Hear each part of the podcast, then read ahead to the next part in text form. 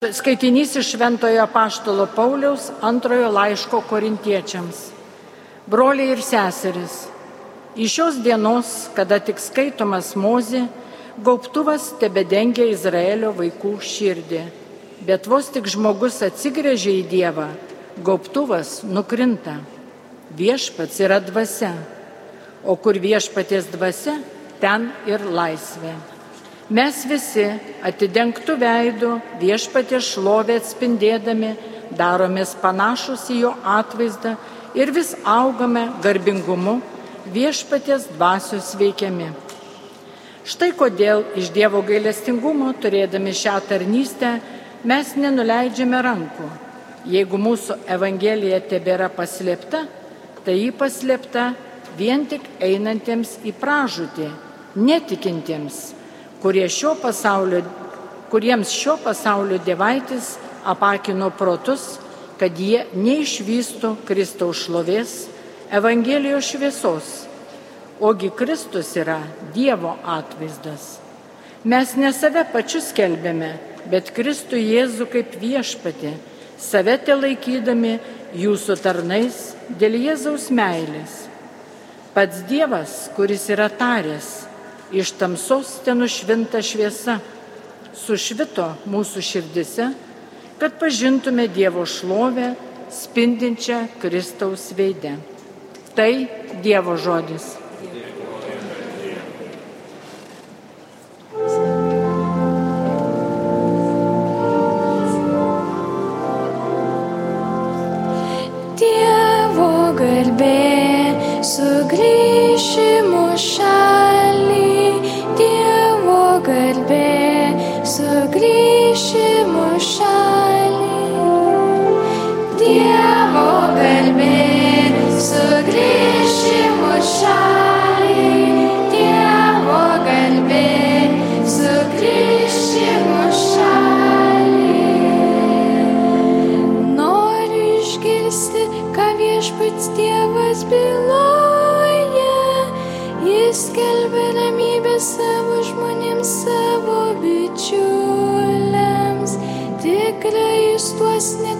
Sich gerne.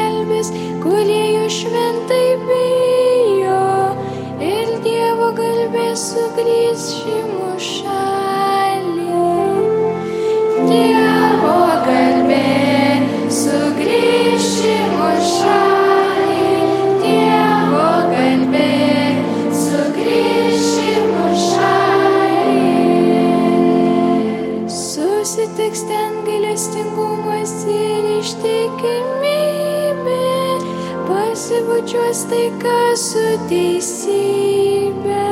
Žemė dyks ištikimybė. Iš dangaus pažvelgs meiliai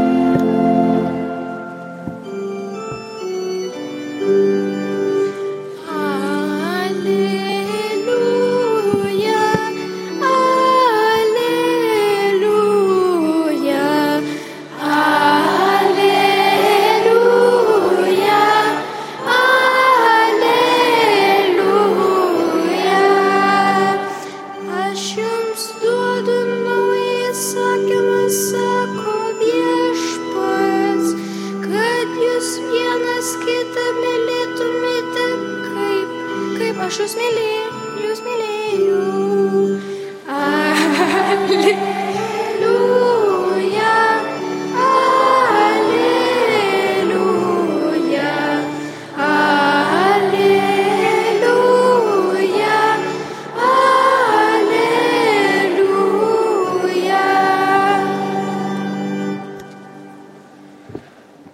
Viešpas su jumis iš Ventosios Evangelijos pagal Matą.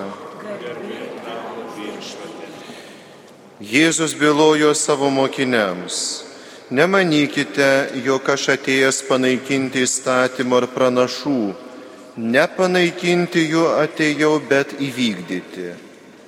Iš tiesų sakau jums, kol dangus ir žemė nepraeis, ne viena raidė ir ne vienas brūkšnelis neišnyks iš įstatymo, viskas įsipildys. Todėl, kas pažeistų bent vieną iš mažiausių paliepimų ir taip elgtis mokytų žmonės, tas bus vadinamas mažiausių dangaus karalystėje. O kas juos įvykdys ir jų mokys, bus vadinamas didžiu dangaus karalystėje.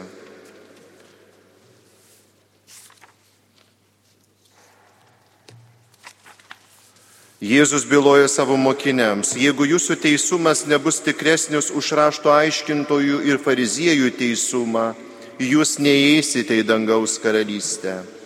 Jūs esate girdėję, kad jūsų protėviams buvo pasakyta nežudyk, o kas nužudo turės atsakyti teisme. O aš jums sakau, jei kas pyksta ant savo brolio, turi atsakyti teisme. Kas sako savo broliui pusgalvi, turės stoti prieš aukščiausiojo teismo tarybą, o kas sako kvaily, tas merktinas į pragaro ugnį. Jei neši dovana prie altoriaus ir ten prisimeni, jog tavo brolis turi šitą prieš tave, palik savo atnašą tenai prie altoriaus, eik pirmiau sutaikinti, susitaikinti su broliu ir tik tada sugrįžęs aukok savo dovaną. Greitai nusileisk savo ieškovui, dar kelyje į teismą, kad ieškovas neįduotų tavęs teisėjui, o teisėjas teismo vykdytojui ir kad tu nepakliūtum į kalėjimą. Iš tiesų sakau tau, neišeisi iš ten, kol neatsiteisi lygi paskutinio skatiko. Tai viešpaties žodis.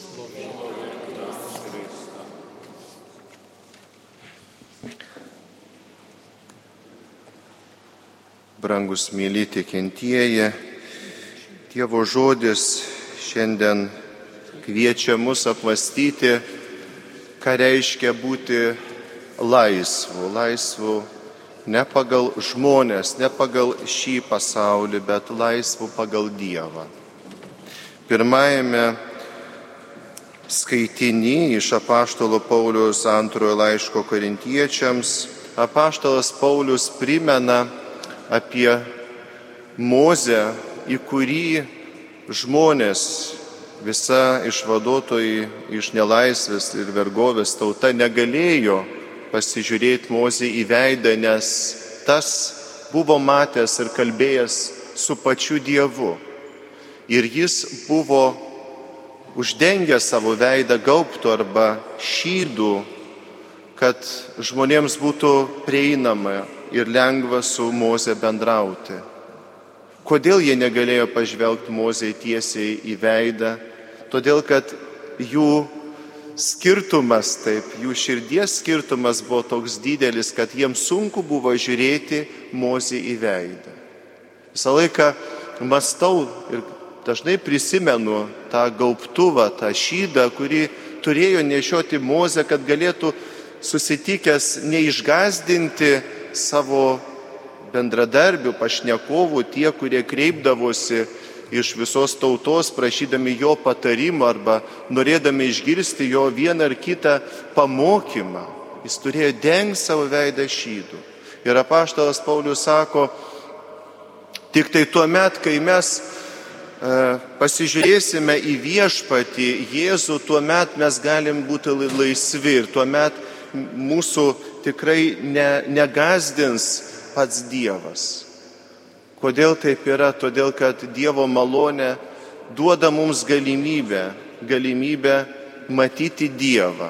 Dievo atleidimas, kuris paliečia ne mūsų išorę, bet ir išorę, bet visų pirma nori paliesti mūsų vidų. Dievas nori, kad mes būtume laisvi ir toje laisvėje, kad mes galėtume stotis priešais Dievą ir matyti jį veidas į veidą. Grinaja žodžio prasme, Dievas yra dvasia.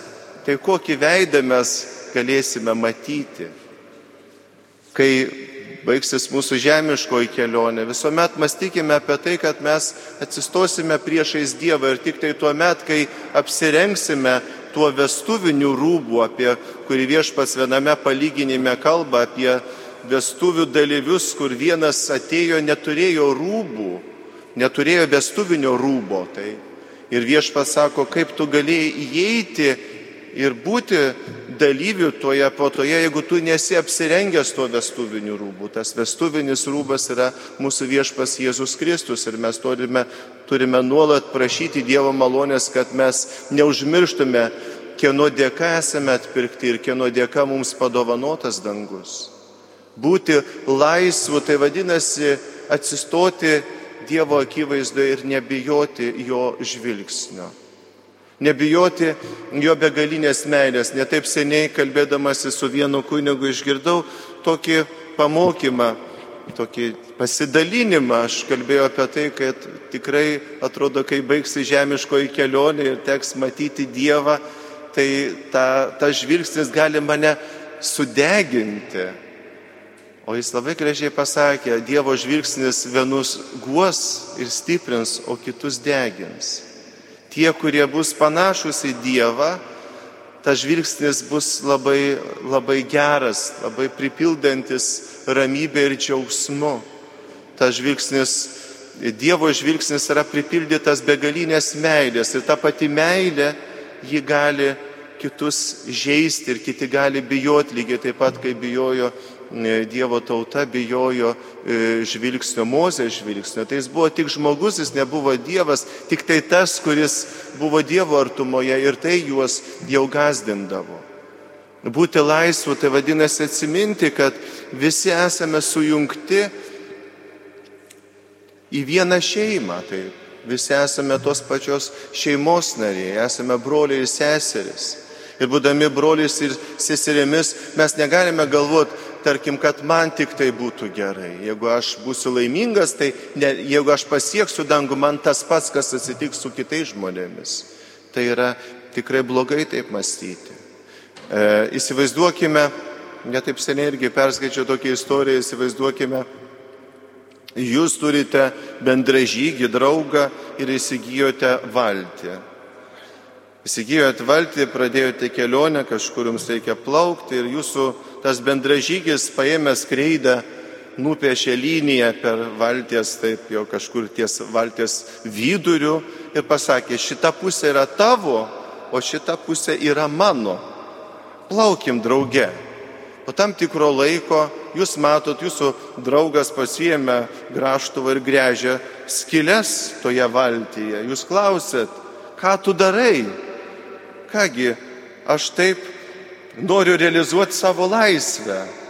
Aš turiu daug kūrybinės galios ir, ir mano ta kūrybinės galios ekspresija va tokiu būdu prasiveržia. Jūs sakot, bet jūs, tu sakot, tu beprotėsi, jeigu tu dabar darysi skėlės, tuoj vanduo pateks į valtį ir mes abudu paskesime. Abudu paskesime. Labai dažnai nūdien ypatingai susidurėme su ta problema, kad mes užmirštame, kad esame toj pačioj valti. Ir labai dažnai tai būna, sėdėdami toj pačioj bažnyčioje mes vienas kitą jau spėjom pasmerkti, nuteisti, pažeminti. Dėl to, kad mums tiesiog tas žmogus, sėdintis, esantis šalia, kažko kliūna, kažko nepatinka. Esame valtyje ir, ir ta pati valtis yra mūsų valstybė, kaip dažnai patys įstatymai prieštarauja vienas kitam ir, ir per tuos įstatymus mes matome, kaip dažnai e, vieni žmonės kūrė, nori toje valtyje plaukti, o kiti žmonės tyčia daro skilės. Sako, taigi mano laisvė, aš kaip noriu, taip, taip elgiuosi. Ar ta laisvė iš tiesų atneša mums nusiraminimą? Ar ta laisvė padaro mus panašius į viešpatės veidą. Ir štai, būdami laisvi, mes galime elgtis visiškai priešingai, negu kad Dievas nori. Visą laiką atsiminkime viešpaties troškimą, taip kad mes būtume tokie tobuli, kaip mūsų dangiškasis tėvas yra tobulas. Evangelijos žodis šiandien sujungtas vakar Evangelija ir šiandienos Evangelija.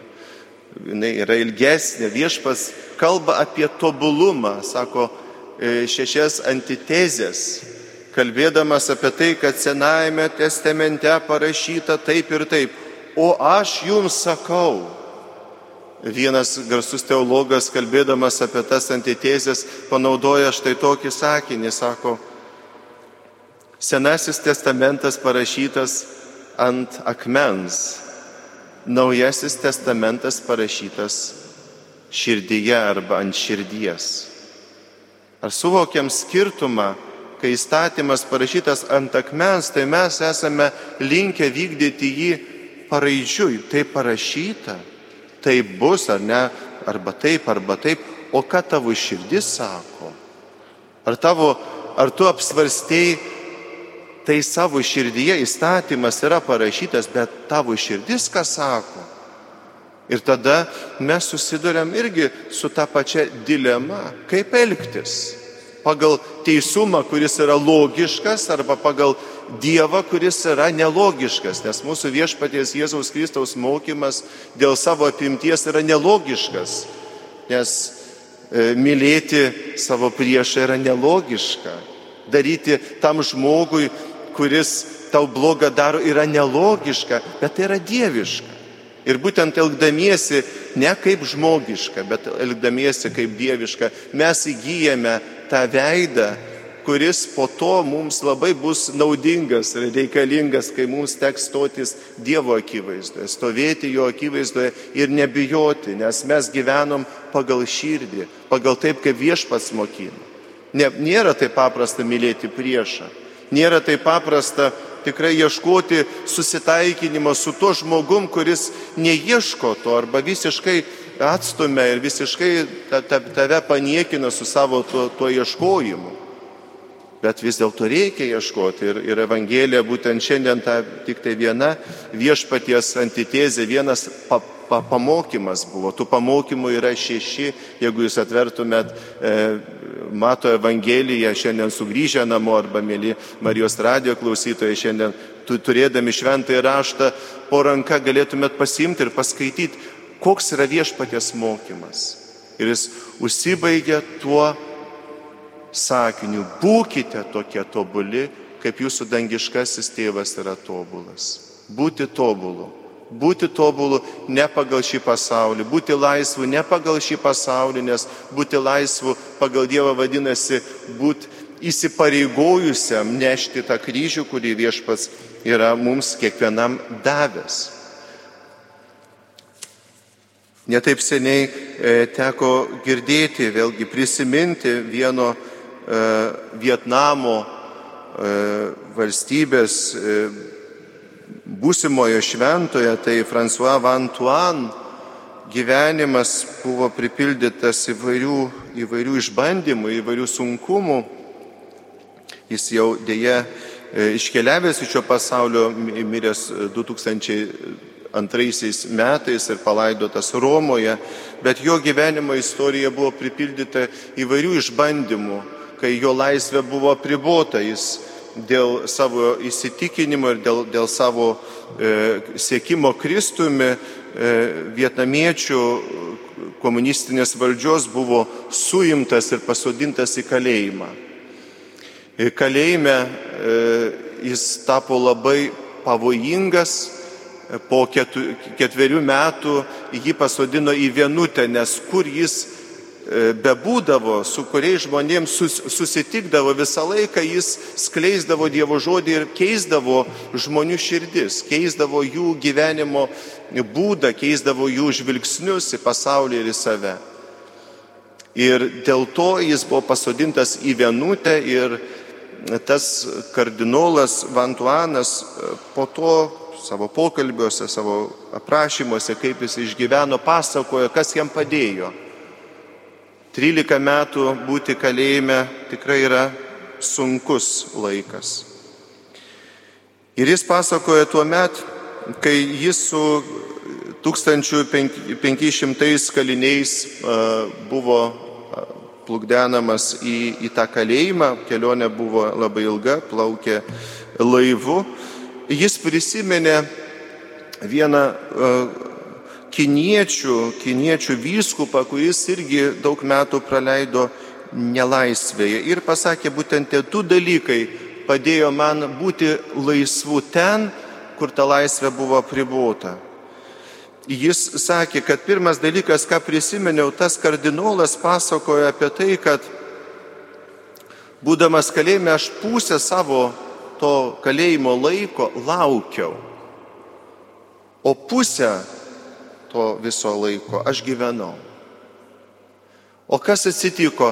Kai aš laukiu visą laiką, kiekvienas kalinys, jis vis galvoja, kad aš turiu išeiti laisvę, aš turiu būti laisvas. Bet jis sako, bet aš gyvenu kartu tame kalėjime.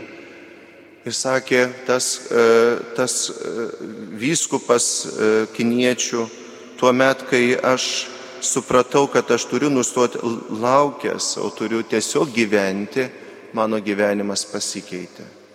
Aš pradėjau gyventi kiekvieną dieną, priimdamas ją kaip dovana, visiškai negalvodamas apie tai, kad ateis viena diena ir aš tapsiu laisvas. Ir antras dalykas, kas padėjo Vantuanui, vėlgi tas pats prisiminimas to paties kiniečių vyskupo, jis prisimenė, kai tas vyskupas, būdamas kalėjime, vis galvojo, kaip būtų gerai dabar išeiti laisvę ir evangelizuoti, steigti seminarijas, e, tikrai daryti kažkokius tai darbus, kurie būtų naudingi Dievui. Bet vis dėlto aš to negalėjau padaryti, nes buvau uždarytas į kalėjimą. Ir tada vieną kartą aš supratau, kad visa tai, ko aš trokštų, tai daryti Dievo, dievo darbus. Arba, bet Dievo darbai ir, ir Dievas yra skirtingi dalykai. Aš turiu pasirinkti Dievą. Šį kartą turiu pasirinkti Dievą. Ir štai jis pasirinko būtent būti su Dievu. Jis neturėjo galimybės daryti Dievui naudingus darbus, reikėjo būti kalėjime, bet jis buvo su Dievu. Ir būtent tie du dalykai padėjo mano minėtam Vietnamų vyskupui, po to kardinolui e, iškalėti, būti kalėjime 13 metų ir kai jis išėjo į laisvę, jis buvo išvytas iš šalies, nuvyko po to į Romą, vedė rekolekcijas tame tarpe Romos kūryje ir pačiam popiežiui ir daug dalindavosi apie tai, kad vis dėlto gali būti taip, kad tavo laisvė visiškai atimta, o tu iš vidaus esi laisvas. Tad brangus mėly tikintieji, tikrai iš viso širdies linkiu jums ir savo, kad mes visą laiką atsimintume, kieno dėka mes galime stovėti Dievo akivaizdoje, kad viešpas duoda mums malonę ir gali tikrai nuimti tą širdies šydą, kad mes galim būti laisvi, tikrai stovėdami ir matydami jį veidas į veidą. Prašykime Dievo malonės, kad nuodėmės, kurios skiria mus nuo Dievo, kurios tikrai riboja mūsų laisvę, kurie, kurios įžeidžia kitus žmonės, kaip tuo graštuvu mes galim grėžti skylę, taip tame laive, į kurį mes esame visi patalpinti. Ir taipogi linkiu, kad mes, būdami šitame pasaulyje, tarsi kalėjime, taip, neužmirštume, kad net ir tuo met, kai tavo laisvė gali būti atimta, jeigu tu būsi tikrai priverstas kentėti, nešti vieną ar kitą naštą, galbūt patirti lygą, kokį atsiskyrimą, kažkokį tai nustumimą, kažkokį pažeminimą, visą laiką vienikis su Dievu. Tas pats Vantuanas, kalbėdamas apie šio laikinę krizę, kuri yra vyraujanti krizė, dvasingumo krizė e, vakarų pasaulyje, jis sakė, Krizės šaknis yra tame, kad žmogus nustojo nuoširdžiai melstis, prašant Dievo, kad Dievas duotų jėgų eiti per šį pasaulį, būnant tikru laisvu žmogumi. Amen.